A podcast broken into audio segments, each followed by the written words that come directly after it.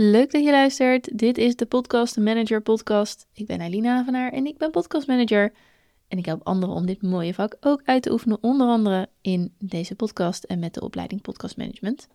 In deze aflevering ga ik het hebben over de CORE, oftewel de kleine ondernemersregeling.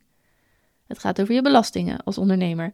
Ik ben geen belastingdeskundige. Please, alsjeblieft, ga te raden bij iemand die hier meer verstand van heeft. Maar ik kan wel mijn ervaringen delen met de CORE. CORE is dus een afkorting voor kleine ondernemersregeling. En de CORE is er voor ondernemers die minder dan 20.000 euro omzet per jaar draaien. Je hoeft dan geen BTW te heffen, dus te vragen aan je klant, of BTW af te dragen aan de Belastingdienst. Die 20.000 euro omzet per jaar is een grens en die tel je ook exclusief BTW. Om het nog completer te maken, omzet van sommige diensten die al vrijgesteld zijn van BTW, die tellen ook niet mee voor die omzetgrens. Voorbeeldje, in mijn tekstschrijversperiode jaren terug weet ik nog dat als ik voor een journalistiek iets schreef, en dan in mijn geval was dat de lokale krant, dat dat vrijgesteld was van BTW.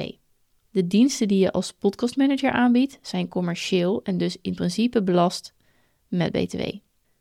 Heb je minder dan 20.000 euro omzet per jaar, dan kun je overwegen om voor de core te kiezen.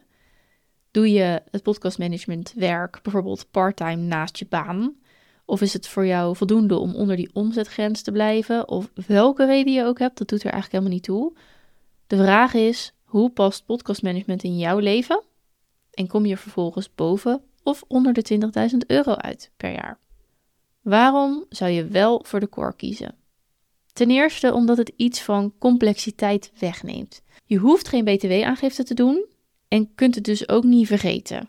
Iets dat je direct op een boete komt te staan van de Belastingdienst.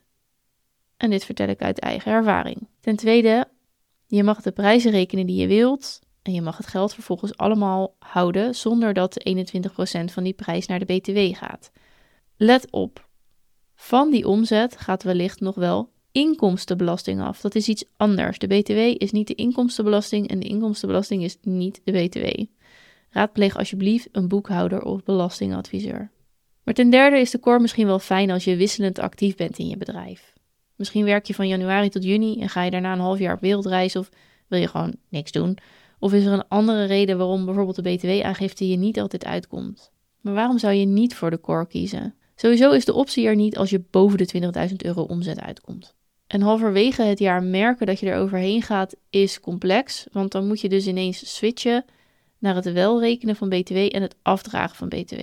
Je hoeft, volgens mij, als ik het goed begrijp, geen BTW af te dragen met terugwerkende kracht, dus over die eerste 20.000 euro, maar met een slag om de arm. En wel over die ene factuur die ervoor zorgt dat je de omzetgrens overschrijdt. dus stel je zit op 19.995 euro. Je stuurt een factuur voor 15 euro, dan moet je over die 15 euro dus wel BTW rekenen en afdragen. Nou, is dat van 15 euro, als je het vergeet te rekenen en het wel moet afdragen, is dat misschien nog wel op te lossen, op te vangen. Dat gaat dan om denk ik 3 of 4 euro. Maar stel dat het precies die ene factuur is die 2500 euro is, ja, dan wordt het natuurlijk een ander geintje. Je moet dus best wel opletten of je de grens overschrijdt en wanneer dat gebeurt. En misschien is het dan toch handig om een BTW-aangifte te doen elk kwartaal. Kijk, als je je administratie netjes bijhoudt of een programma zoals Moneybird gebruikt, is dit niet zo heel veel werk, die BTW-aangifte. Maar je moet het eventjes niet vergeten. Als je in de core zit, mag je geen BTW rekenen, maar het ook niet terugvragen. Als je investeringen wil doen in je bedrijf, bijvoorbeeld een laptop kopen, moet je ook het volle pond betalen. En dan kan 21% die je dan terug kan vragen van de Belastingdienst toch wel veel geld zijn. En dit geldt ook voor programma's die je gebruikt of andere benodigdheden die je nodig hebt voor je bedrijf. Het zijn allemaal voor jou inclusief BTW. Nogmaals, raadpleeg iemand die er meer verstand van heeft. Want ergens kan ik me voorstellen, als je nul omzet binnenhaalt, je zit in, en je zit niet in de core en je geeft alleen maar uit, dat dat ook niet helemaal zo geldt dat je al die BTW terug kan vragen. Maar, I don't know, vraag het iemand die er meer verstand van heeft. Kijk, en wat ik ik heb in de core gezeten. Dat, dat was een reden omdat ik mijn bedrijf al had ingeschreven. Het was de derde keer dat ik een bedrijf inschreef. En dat vond ik op zich niet zo erg. Maar ik had toen weer een baan aangenomen en ik zette dat bedrijf op een laag pitje. En toen dacht ik, weet je, de core is prima. Want dan hoef ik geen B2-aangifte te doen. Dan kan je zeg maar je bedrijf gewoon bestaan zonder dat daar iets gebeurt. En zonder dat je er zelf op hoeft te letten. Dat was heel fijn.